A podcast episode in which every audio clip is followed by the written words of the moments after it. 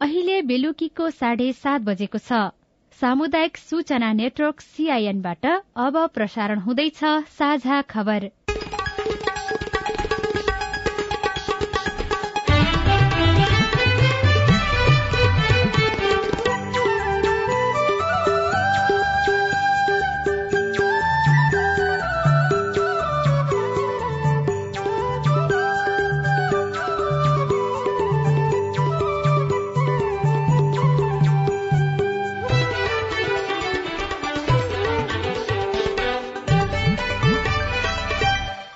सीआईएनको साझा खबरबाट सोभिता रिसालको नमस्कार। साझा खबर देशभरिका सामुदायिक radio CIN Khabar dot com र मोबाइल एप सीआईएनमा पनि सुन्न सकिन्छ।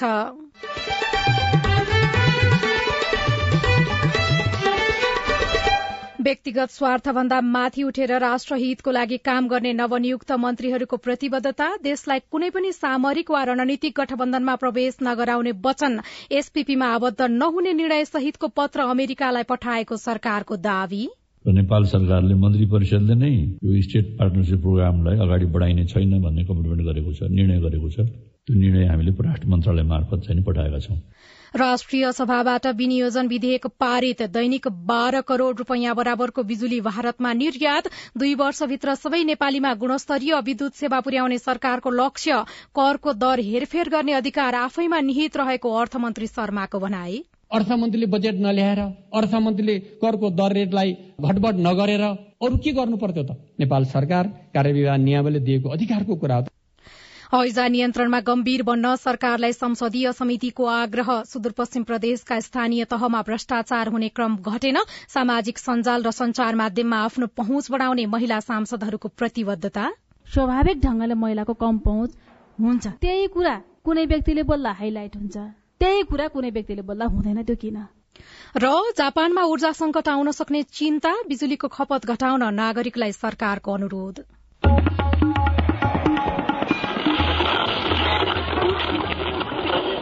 सयौं रेडियो। हजारौं रेडियो कर्मी र करोड़ौं नेपालीको माझमा यो हो सामुदायिक सूचना नेटवर्क सीआईएम अन्तर्राष्ट्रिय मुद्रा संचिति घट्दै गर्दा नेपालको अर्थतन्त्र दबावमा परेको छ। बिग्रदै गएको अर्थतन्त्र सुधारका लागि देशभित्रै उत्पादन बढ़ाउने देशको रकम देशभित्रै रोक्ने तथा आयात घटाउने मुख्य उपाय हुन सक्छ।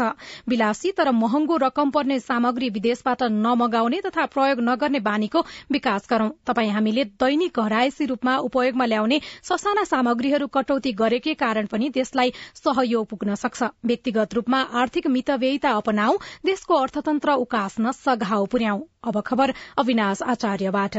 नवनियुक्त मन्त्रीहरूले आज पद तथा गोपनीयताको शपथ ग्रहण गरेका छन्। नवनियुक्त मन्त्रीहरूलाई राष्ट्रपति विद्यादेवी भण्डारीले आज बिहान शपथ ग्रहण गराउनु भएको हो। नेकपा एकीकृत समाजवादीको सिफारिश अनुसार जीवनराम श्रेष्ठ संस्कृति पर्यटन तथा नागरिक उड्डयन मेटमणि चौधरी शहरी विकास भवानी प्रसाद खापङ स्वास्थ्य शिरबहादुर कुंवर श्रम रोजगार तथा सामाजिक सुरक्षा मन्त्री र हीरा चन्द्र केसी स्वास्थ्य तथा जनसंख्या राज्य मन्त्रीमा नियुक्त हुनुभएको छ। उहाँहरूले आजै पदभार ग्रहण गर्दै व्यक्ति व्यक्तिगत स्वार्थ त्यागेर देश र जनताको हितमा काम गर्ने प्रतिबद्धता व्यक्त गर्नुभएको छ। नवनियुक्त शहरी विकास मन्त्री मेटमणि चौधरीले नेताहरू घमण्डी भएकाले देश अघि बढ़न नसकेको टिप्पणी गर्दै आफूले इमान्दारीपूर्वक काम गर्ने प्रतिबद्धता व्यक्त गर्नुभयो। त्यस्तै संस्कृति पर्यटन तथा नागरिक उड्डयन मन्त्री जीवन राम श्रेष्ठले विश्व सम्पदा सूचीमा रहेका स्वयम्भू र हनुमान ढोकालाई जोड्न सम्पदा मार्ग बनाउने आफ्नो पहिलो प्राथमिकता रहेको बताउनुभयो। यो हनुमान ढुका र स्वयम्भू दुईवटा चाहिँ नि विश्व सम्पदा सूचीमा रहेका ठाउँहरू हुन्। यो दुईवटा ठाउँलाई जोड्ने गरी एउटा चाहिँ नि सम्पदा मार्ग यो हेरिटेज ट्रेल बनाउने भनेर धेरै कामहरू भइसकेको छ। त्यसको डिपिआरहरू सबै भइसकेका छन् र त्यो कामको लागि बजेट पनि यो वर्षको बजेटमा परिसकेको छ। त्यो कामलाई प्रारम्भ गर्ने भन्ने एउटा चाहिँ नि विषय त्यो हो। आगामी आर्थिक वर्षको बजेट तथा कार्यक्रमलाई लिएर राष्ट्रिय सभामा उठेका विभिन्न प्रश्नहरूमा सम्बन्धित मन्त्रीहरूले जवाफ दिएका छन्। राष्ट्रिय सभामा उठेका प्रश्नहरूको जवाफ दिँदै अर्थमन्त्री जनार्दन शर्माले सबैको सुझावको आधारमा बजेट निर्माण गरेको भन्दै बजेट बनाउँदा करको दर हेरफेर गर्ने अधिकार अर्थमन्त्रीमा निहित रहेको दावी गर्नुभएको छ। मन्त्री शर्माले करको दर बढ़ाउँदा देश र जनतालाई हित गरे नगरेको हेर्ने उद्योगलाई परेको असरबारे थाहा पाउने र करको दर घटबड़ गर्ने अधिकार अर्थमन्त्रीको रहेको दावी गर्नुभयो। अर्थमन्त्रीले बजेट नल्याएर अर्थमन्त्रीले करको दर रेटलाई घटबड नगरेर अरू के गर्नु पर्थ्यो त? नेपाल सरकार कार्यविवाह नियमले दिएको अधिकारको कुरा हो। त्यस कारणले यसलाई कथा बुनेर अर्कातिर लग्ने भन्दा पनि मैले यो बजेट कार्यान्वयन हुँदै जाँदा लक्ष्य तोकिएको छ। यति प्रतिस्थापन गर्ने यति गरिबी हटाउने यति मानव सूचाङ्कको यति वृद्धि गर्ने तोकिएका आँकडाहरू छन्। तोकिएका आँकडामा यो बजेट कार्यान्वयन हुने क्रमबाट भोलि यो देशको अधिकरणमा आउने परिवर्तन उत्पादनमा आउने परिवर्तन प्रतिस्थापनमा आउने परिवर्तनले सबै कुरालाई पुष्टि गर्नेछन्। सरकारको तर्फबाट संघीय संसदमा पेश भएको नीति तथा कार्यक्रम र बजेट वक्तव्यमा उठेका प्रश्नको जवाफ दिँदै ऊर्जा जलस्रोत तथा सिंचाई मन्त्री पम्फा भूषालले नेपालले अहिले दैनिक दसदेखि बाह्र करोड़ रूपियाँ बराबरको बिजुली भारतमा बेचिरहेको जानकारी दिनुभयो। वर्षायाममा बढ़ी भएको तीन सय चौसठी मेगावाटसम्मको विद्युत भारतीय प्रतिस्पर्धी बजारमा बिक्री भइरहेको उहाँको भनाइ छ।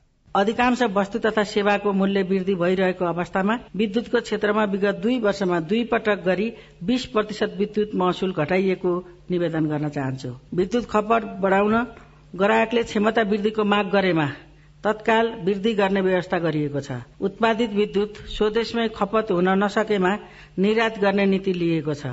सो अनुरूप वर्षाको समयमा बढ़ी हुने तीन सय चौसठी मेगावाट विद्युत छिमेकी देश भारतमा निर्यात भइरहेको छ। आगामी दुई वर्षभित्र सबै नेपालीमा भरपर्दो र गुणस्तरीय विद्युत सेवा पुग्ने उहाँको भनाइ थियो। यस्तै उठेका प्रश्नहरूमा जवाफ दिँदै महिला बालबालिका तथा ज्येष्ठ नागरिक मन्त्री उमा रेग्मीले आफ्नो मन्त्रालयमा बजेट नै पर्याप्त नभएको बताउनुभयो।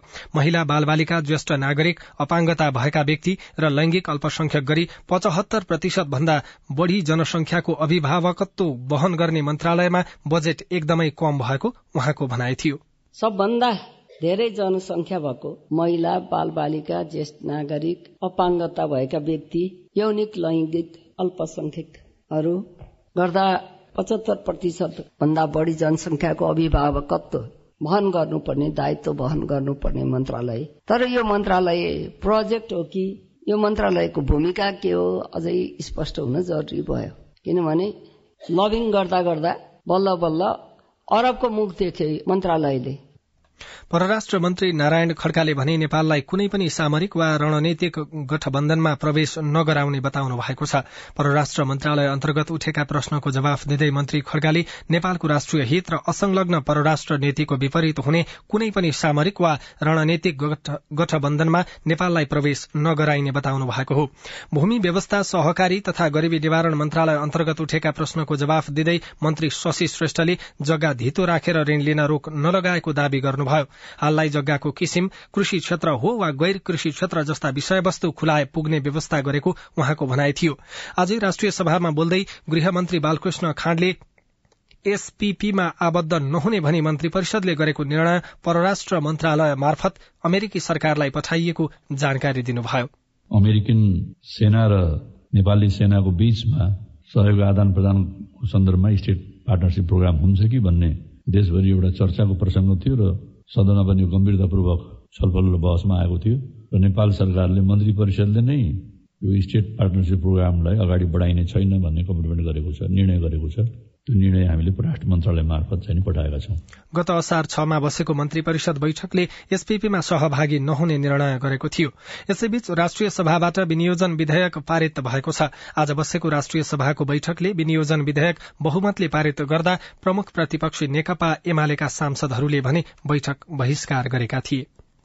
प्रतिनिधि सभाको शिक्षा तथा स्वास्थ्य समितिले हैजाबारे गम्भीर बन्न सरकारलाई आग्रह गरेको छ। स्वास्थ्य मन्त्रालय स्वास्थ्य सेवा विभाग इपिडिमियोलोजी तथा रोग नियन्त्रण महाशाखाका प्रतिनिधिहरूसँग छलफल गरेपछि समितिले सरकारलाई गम्भीर बन्न आग्रह गरेको हो। समिति सभापति जयपुरी घरतीले वर्षाको समयमा हैजा झाडा पखला बढ़न सक्ने खतरा रहेकाले यसलाई गम्भीरतापूर्वक लिन अनुरोध गर्ने निर्णय भएको बताउनुभयो।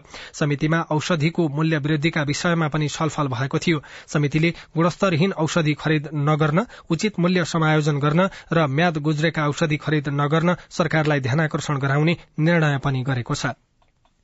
सामाजिक सञ्जाल र संचार माध्यममा आफ्नो पहुँच बढ़ाउनका लागि आवश्यक सबै कदम चाल्ने महिला सांसदहरूले प्रतिबद्धता जनाएका छन्। सामुदायिक सूचना नेटवर्क सीआईएनले आयोजना गरेको संचार माध्यम र सामाजिक सञ्जालमा महिला सांसदको पहुँच र चुनौती विषयक अन्तर्क्रियामा पूर्व मन्त्री तथा माओवादी केन्द्रका सांसद रेखा शर्माले सामाजिक सञ्जालमा सक्रियता बढ़ाउने प्रतिबद्धता जनाउनुभयो। जसरी पुरूषको हरेक ठाउँमा सञ्चार माध्यममा मात्रै होइन हरेक ठाउँमा पहुँच हुन्छ। स्वाभाविक ढंगले महिलाको कम पहुँच हुन्छ। त्यही कुरा कुनै व्यक्तिले बोल्दा हाइलाइट हुन्छ। त्यही कुरा कुनै व्यक्तिले बोल्दा हुँदैन त्यो किन? अब एउटा रिलेसन चिनजान छलफल त्यो कुराको पनि आवश्यकता पर्ने भयो र स्वयं पत्रकारहरूलाई पनि मेरो पर्फर्मेन्स कस्तो मैले कस्तो भूमिका निर्वाह गर्छु मेरो क्षमता के हो मैले कस्तो रिलेसन गर्छु भन्ने कुरा पनि उहाँहरूले पनि मलाई बुझ्न पर्ने होला मैले पनि बुझ्न पर्ने होला त्यो कुरा हुने भयो। प्रतिनिधि सभा मातहतको विकास तथा प्रविधि समितिका सभापति कल्याणी खड्गाले ठूला नेता र पुरूष नेताहरूले मात्रै सूचना जानकारी दिन सक्छ भन्ने मान्यता संचारकर्मीमा देखिएको धारणा राख्नुभयो। मैले दुई वर्ष अगाडि यो निर्माण सामग्रीमा नदीजन्य जुन सामग्री हो त्यो सामग्रीले अब चाहिँ पर्याप्त छैन। अब चाहिँ खानीजन्यमा जानुपर्छ भनेर मैले बोले।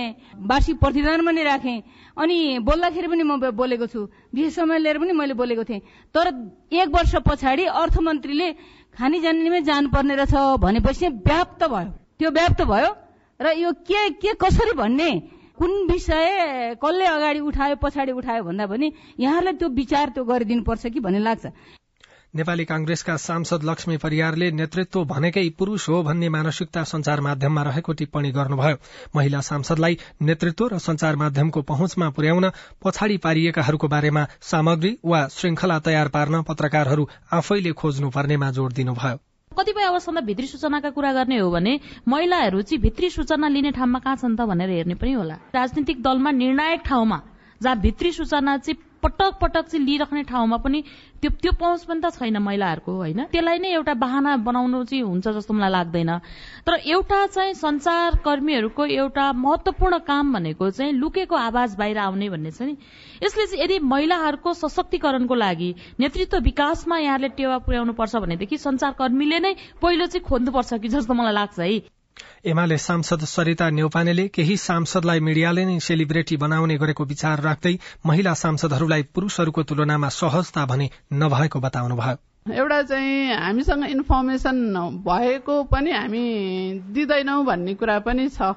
नदिने कारण के भने पार्टीको अनुशासनभित्र पनि अलिकति हामी बाँधिएका हुन्छौँ। आफ्नो कल्चर पनि हो। हिजोदेखि घरैदेखि कसरी हुर्केर आयो कुन संस्कार कुन संस्कृतिले आयो भन्ने कुराले पनि गर्छ। हामी राति एघार बाह्र बजीसम्म चाहिँ बाहिर बस्नु त सक्दैनौँ। पुरुष माननीयहरू चाहिँ बस्नु पनि भएको हुन्छ। कुनै विज्ञहरूसँगै पनि बस्नुहुन्छ।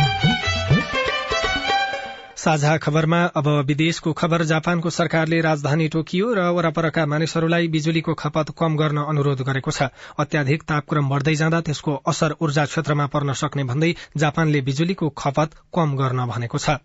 र एउटा खेल खबरमा क्यानाडा र स्कटल्याण्ड भ्रमणमा जाने नेपाली राष्ट्रिय क्रिकेट टोलीको विदाई गरिएको छ।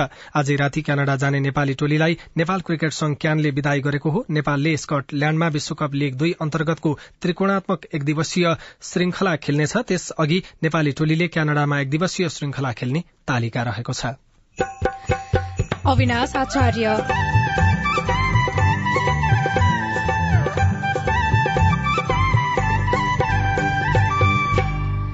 जुम्लाको ऋणमोक्ष मावि भौतिक संरचना जीर्ण तर शैक्षिक गुणस्तर उत्कृष्ट। पहिला भन्दा त म आफैमा म धेरै खुसी छु। पछिल्लो चरणमा यार्चेकोमा भन्दा पनि त यो शिक्षा नै ठुलो रहेछ। पढ्नुपर्छ भन्ने केही अभिभावकसँग पनि जाँगर छ। रिपोर्ट सुदूरपश्चिम प्रदेशका स्थानीय तह विरूद्ध उजुरी बढ्ने क्रम बढ़दै दबावमा रहेको अर्थतन्त्र सुधारको उपाय लगायतका सामग्री बाँकी नै छ। सीआईएनको साझा खबर सुन्दै गर्नुहोला। बाहिरी जिल्लाबाट पनि मतदाता नामावलीमा नाम दर्ता हुने सम्बन्धी निर्वाचन आयोगको अनुरोध। आगामी प्रतिनिधि सभा तथा प्रदेश सभा सदस्य निर्वाचनलाई दृष्टिगत गरी आयोगले यही दुई हजार उनासी साल असार एक गतेदेखि मतदाता नामावली संकलन तथा अध्यावधि कार्यक्रम सञ्चालन गरिरहेको छ। यस कार्यक्रम अन्तर्गत पेसा व्यवसायको कारणले कुनै एक जिल्लामा बसोबास गरिरहेको तर आफ्नो स्थायी ठेगाना अर्को जिल्लामा रहेको भए त्यस्तो व्यक्तिले नाम दर्ताको लागि नागरिकता प्रमाणपत्र सहित आफू रहेको जिल्लाको निर्वाचन कार्यालयमा निवेदन दिएमा त्यस्तो मतदाताको नाम निजको स्थायी ठेगानामा रहने गरी बाहिरी जिल्ला मतदाता दर्ता कार्यक्रम सञ्चालन भइरहेको बेहोरा आयोग सम्बन्धित सबैमा अनुरोध गर्दछ। निर्वाचन आयोग नेपाल।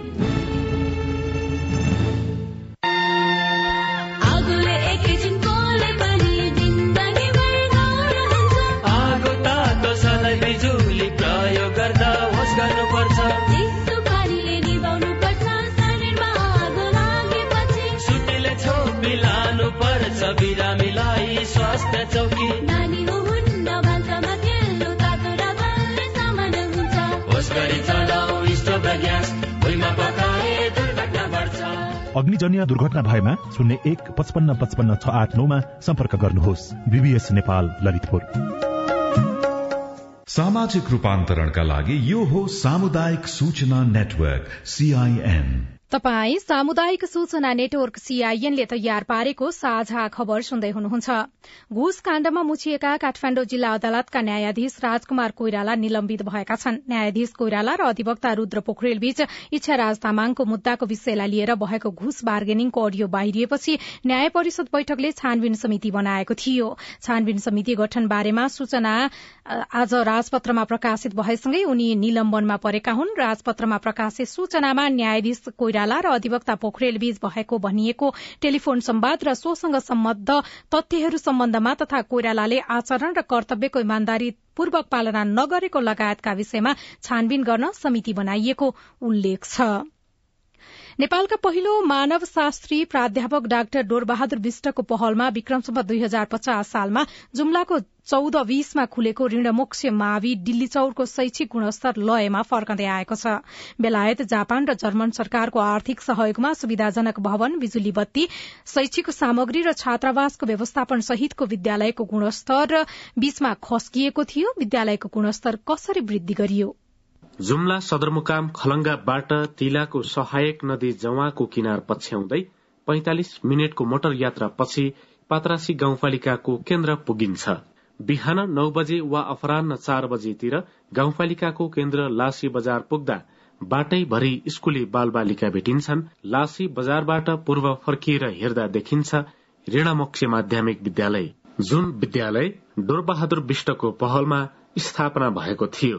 प्राध्यापक हरिबहादुर बुढा। डोरबहादुर विष्टज्यूले यो विद्यालय माध्यमिक तहसम्म पुर्याउन ठूलो योगदान रहेको देखिन्छ र यो भौतिक संरचनाको हिसाबले पनि देशकै एउटा नमुना भवनको रूपमा मान्छु मैले। अहिले पुरानो भयो जीर्ण भयो। फराकिलो चौरमा वीरता आकारमा जस्ताले छाएका ससाना चौधवटा घरहरू रहेका छन्। सेतो जस्ता खिया लागेर खैरो हुन थालेको छ तर विद्यालयको शैक्षिक गुणस्तर भने सुधार हुँदै गएको छ। विद्यालयमा फराकिलो खेल मैदान छ विद्यार्थीहरू समयमा नै विद्यालय पुग्छन्। नियमित रूपमा दैनिक प्रार्थनामा सहभागी हुन्छन्। कुनै पनि विद्यार्थी आएन भने घरमा फोन गर्ने स्वयं आफै पुगेर पनि तपाईँ विद्यार्थी किन आएन त?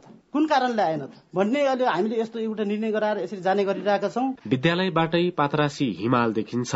विद्यालयको वातावरण जति सुन्दर र शान्त छ विद्यार्थीहरूको पठन पाठन त्यत्तिकै सुधारिँदैछ।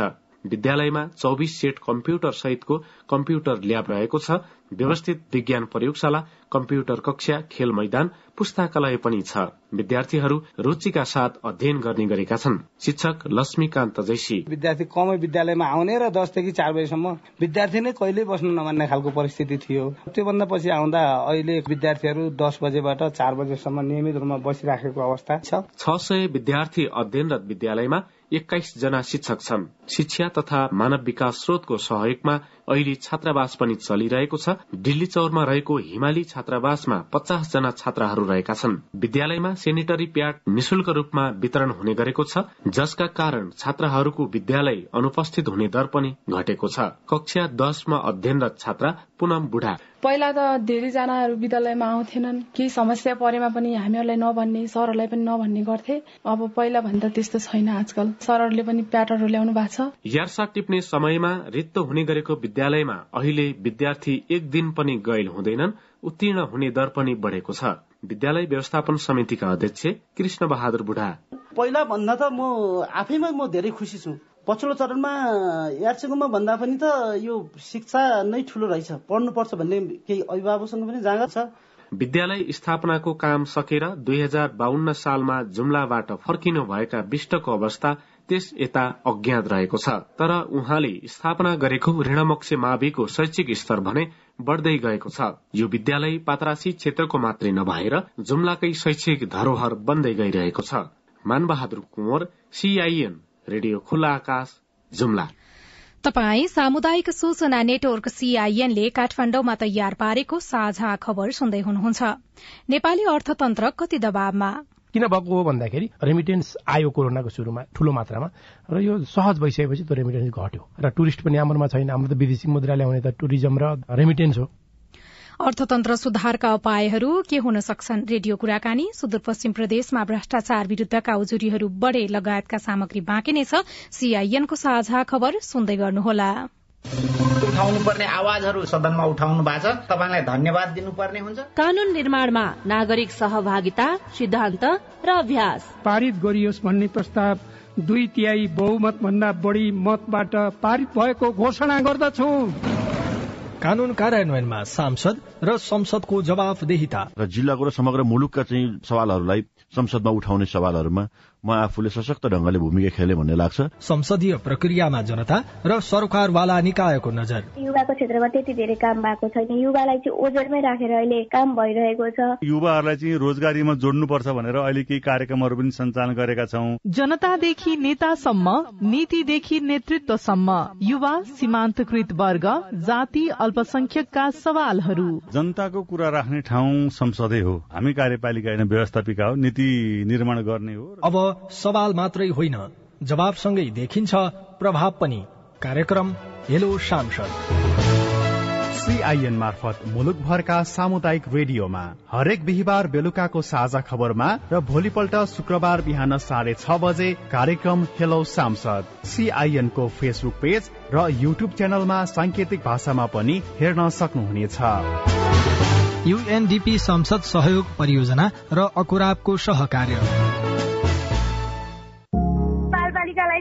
लगाउँदै गरेको खोपमा चाहिँ बालबालिकाहरू कहाँ गएर लगाउनु पर्ने र खोप लगाउन जाँदा के के लिएर जानु पर्ने? त्यसबारे बताइदिनुहोस् न। मेरो जिज्ञासा के छ भनेपछि हामी विद्यार्थीहरू एकदमै जोखिममा छौँ तर पनि हामीहरूले समयमा खोप उपलब्ध हुन सकेको छैन।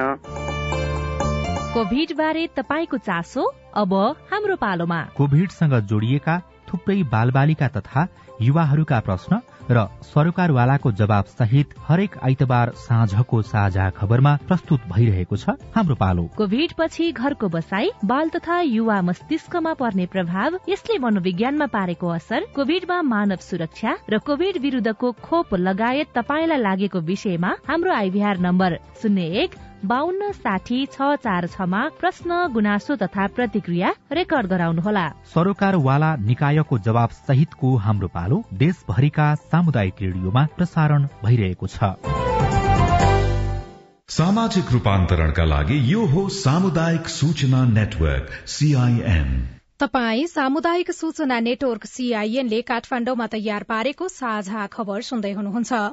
सुदूरपश्चिम प्रदेशमा भ्रष्टाचार विरूद्धका उजुरीहरू बढ़िरहेका छन्। अख्तियार दुरूपयोग अनुसन्धान आयोगका अनुसार सुदूरपश्चिममा खास गरी स्थानीय तहसँग सम्बन्धित उजुरीहरू दर्ता हुने क्रम बढ़दै गएको छ। अख्तियार दुरूपयोग अनुसन्धान आयोग महेन्द्रनगरका अनुसार गत आर्थिक वर्ष दुई हजार सतहत्तर अठहत्तरमा सुदूरपश्चिमका नौवटै जिल्लाका विभिन्न नौ सय सातवटा उजुरीहरू परेका थिए। चालू आर्थिक वर्षको वैशाख मसान्तसम्म पाँच सय उनासीवटा उजुरीहरू दर्ता भएका छन्। यसरी आएका उजुरीहरू विशेष गरी स्थानीय तहसँग सम्बन्धित रहेका छन्। केही समय अघि मात्रै दृष्टिविहीन शिक्षकको दरबन्दी सम्बन्धी विषयमा अख्तियार दुरूपयोग अनुसन्धान आयोगमा उजुरी दर्ता गराउनु भएका कञ्चनपुरको बेतकोट नगरपालिकाका बलराम पन्त। म आफै गएर अख्तियार दुरूपयोग अनुसन्धान आयोगको कार्यालय टङ्गालमा उजुरी गरिसके पश्चात त्यसका केही कुराकानीहरू के डकुमेन्टहरू हामीले प्राप्त गर्यौं र प्राप्त भइसके पछाडि दोस्रो पल्ट टङ्गालमा उजुरी गरिसके पश्चात टङ्गालले चाहिँ जिल्ला प्रशासन कार्यालय कञ्चनपुरलाई त्यो कोटाको बारेमा चाहिँ आवश्यक निर्णय गर्ने र त्यसको प्रतिवेदन यहाँ बुझाउने भन्ने निर्देशन गरिसके पश्चात हामीले त्यो कोटा प्राप्त गर्यौं सुदूरपश्चिम प्रदेशभरिमा सबैभन्दा बढ़ी भ्रष्टाचारका उजुरीहरू पर्ने जिल्लामा कैलाली रहेको छ। गत आर्थिक वर्षमा कैलालीका विभिन्न स्थानीय तह विरूद्ध दुई सय चौतिसवटा उजुरीहरू दर्ता भएका थिए। चालू आर्थिक वर्षको हालसम्म एक सय अडसठीवटा उजुरीहरू दर्ता भएका छन्। बाजुराका स्थानीय तह विरूद्धमा भने सबैभन्दा कम गत वर्ष बयालिस चालू आर्थिक वर्षमा पैंतिसवटा उजुरीहरू परेका छन्। अख्तियार दुरूपयोग अनुसन्धान आयोगको महेन्द्रनगर स्थित कार्यालयका सूचना अधिकारी चन्द्रकान्त बस्नेत। उजुरी प्राप्त हुने क्रम चाहिँ बढ्दो क्रममा रहेको छ जसमध्ये चाहिँ स्थानीय तहसँग सम्बन्धित स्थानीय तहबाट सम्पादन हुने कार्यसँग सम्बन्धित क्रियाकलापहरूमा बढ़ी जनगुनासो रहेको देखिन्छ। यस्तै चालू आर्थिक वर्षको वैशाखसम्म कञ्चनपुरका स्थानीय तह विरूद्ध एक सय सोह्रवटा टोटीका स्थानीय तह विरूद्ध सन्ताउन्न बझाङका एकाउन्न र डडेलधुराका त्रिचालिस त्रिचालिस दार्चुलाका चौतिस अछामका बत्तीसवटा उजुरीहरू दर्ता भएका छन्। स्थानीय सरकारले गर्ने विकासको वितरण समान नभएको तथा योजना छनौटका क्रममा भ्रष्टाचार गरेको भन्दै उजुरी गर्ने क्रम बढ़ेको छ। नागरिक समाज कैलालीका अगुवा प्रमोद पाठक। मूल मुहान जो छ नेता नेता चाहिँ भ्रष्ट हुनु भएन। नेता भ्रष्ट भएन भने कर्मचारी भ्रष्ट हुनै सक्दैन। त्यसले गर्दाखेरि पब्लिकले छान्दाखेरि सक्षम र दक्ष र इमान्दार मान्छेलाई मात्र छान्नु पर्यो आफ्नो नेता। भ्रष्टाचार एक किसिमको सामाजिक अपराध भएकाले यसको न्यूनीकरण गर्न आवश्यक रहेको नागरिक समाजका अगुवाहरूले बताउने गरेका छन्। देश संघीयतामा गएपछि भ्रष्टाचार घट्ने अपेक्षा गरिएको भए पनि सुदूरपश्चिम प्रदेश सहित देशैभरिका स्थानीय तह विरूद्ध भ्रष्टाचार सम्बन्धी उजुरी बढ़ने क्रम बढ़िरहेको छ।